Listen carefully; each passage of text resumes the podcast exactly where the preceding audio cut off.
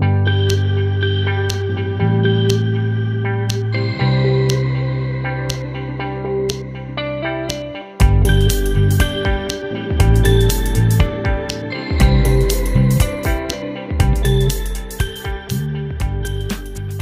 ketemu lagi di podcast The Brain Agency bareng gue Ignatius Untung.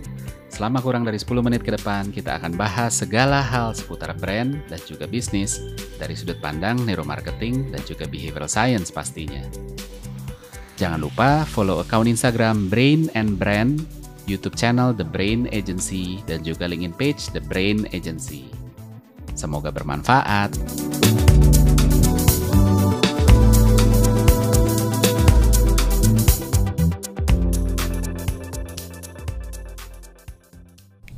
Di buku ini, buku Brain and Brand, saya nulis satu bab uh, khusus tentang fear, tentang ketakutan. Kenapa? Karena fear ini segitu powerfulnya, segitu powerful sehingga bisa menggerakkan orang, tapi sering disalahgunakan. Nah, orang-orang yang nggak ngerti bahwa fear itu juga punya, walaupun bisa ber apa ya, bisa bermanfaat untuk ngedorong orang untuk membeli, tapi juga punya efek samping yang parah dan luar biasa berbahaya. Nah, uh, kita kita uh, lihat uh, apa ya bagi bagi kita yang punya orang tua udah usianya udah agak lanjut gitu lansia gitu ya uh, pernah nggak perhatiin bahwa mereka tuh sebenarnya makin ke sini makin makin gampang banget buat beli barang yang dijual uh, dengan ketakutan gitu ya. Macam-macam gitu. Obat uh, suplemen gitu kan. Alat kesehatan uh, terapi macam-macam uh, bahkan pengaman listrik CCTV semua dijual gitu. Kenapa? Pertama uh, seolah-olah tuh mereka menjadi mendadak aware aja dan gampang banget ambil keputusan pembelian soal barang-barang yang bikin mereka jadi lebih apa ya terasa aman. Uh, ini terjadi sebenarnya awalnya ya secara fisiologis. Orang semakin tua itu hormon stresnya mulai tambah banyak gitu. Hormon kortisolnya tuh lebih lebih tinggi cenderung lebih mendominasi gitu kan. Jadi kecemasan itu lebih lebih muncul gitu kan. Makanya orang makin tua tuh makin apa ya ya yang mudanya ngebut-ngebutan makin tua tuh makin aduh ngebut ah, udah gue udah mulai takut gitu ya dan lain sebagainya. Uh, sehingga lebih lebih mudah khawatir gitu. Nah ditambah lagi memang situasinya udah mulai kerasa gitu. Kok kesehatan nggak sekuat dulu? Mulai ada keluhan gitu kan. Terus uh, kekhawatiran-kekhawatiran mulai muncul. Nah hal-hal kayak gini yang sebenarnya uh, amat sangat dikuasai sama sama salesman ya sama tenaga penjual dan mereka manfaatin ini banget gitu ya.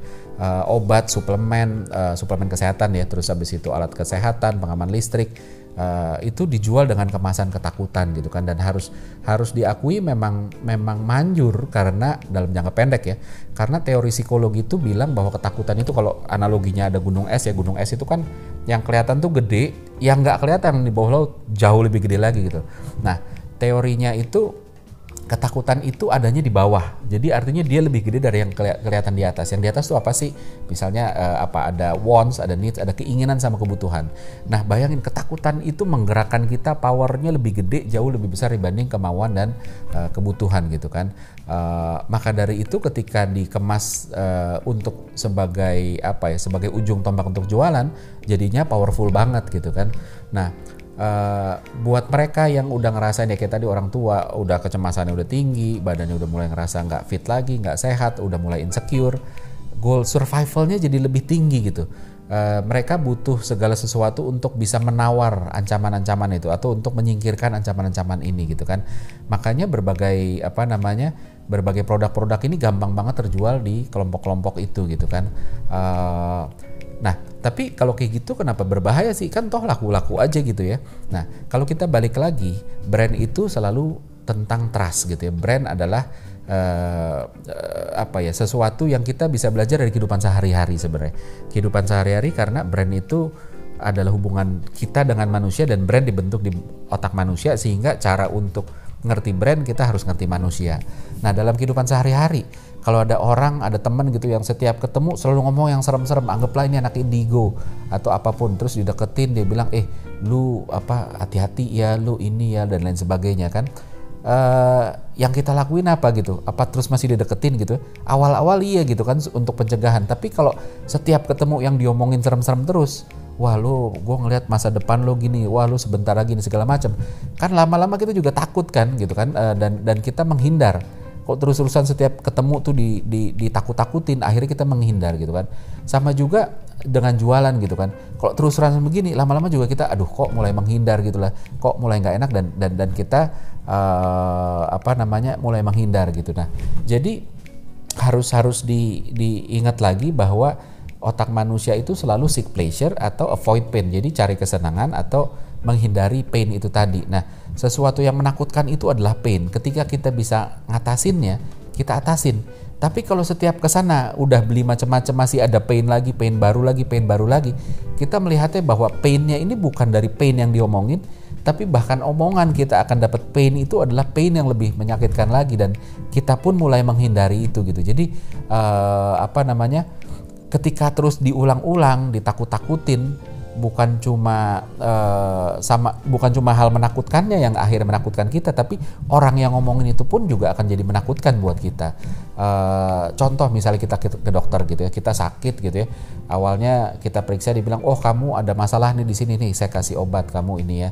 Terus begitu balik gitu kan oh ininya udah beres sekarang ada ininya. Balik lagi ininya udah beres nih ada kok ada terus gitu ya kok nggak ada habis-habisnya gitu kan. Lama-lama kita pun juga menganggap bukan bukan penyakitnya yang jadi pain tapi dokter ini tuh jadi pain buat kita gitu karena lu nakut-nakutin gua mulu gitu kan gue jadi nggak nyaman sama sekali gitu kok kayak nggak selesai-selesai akhirnya uh, apa namanya uh, akhirnya kita pun juga menghindar. Nah ada satu teori namanya ostrich e-, effect gitu. Ostrich tuh kayak apa ya kayak burung onta itu ya. Kan dia kan suka apa nyimpen bukan nyimpen sih kepalanya diumpetin di bawah tanah ya jadi ini konsepnya sama jadi ostrich effect ini sebenarnya uh, teori yang ngomong bahwa ketika ketika kita menghadapi sesuatu yang kita nggak bisa kontrol termasuk pain ini kita memilih untuk menghindar gitu ya. Bukannya mengatasi ketakutan ini tapi menghindar gitu kan. That's why makanya nggak sedikit dari kita yang yang menghindar untuk periksa ke dokter ketika ada yang salah dengan badan kita gitu ya. Kita bukannya kita nggak percaya bahwa kita sehat-sehat aja gitu loh uh, atau bukannya kita nggak percaya bahwa ada ada sesuatu yang salah gitu. Orang kerasa kok nggak enak gitu ya. Tapi apa nggak tahu. Cuma kita memilih untuk ah nggak ah gue nggak usah ke dokter deh gitu ya. Uh, bahkan ketika badan pegel-pegel gitu ya, lu cek kolesterol deh. Ah nggak deh mendingan nggak deh gitu kan. Kita memilih untuk nggak tahu dibanding kita tahu tuh habis itu jadi kepikiran. Karena kekuatan pikiran kita kan luar biasa tadi ya.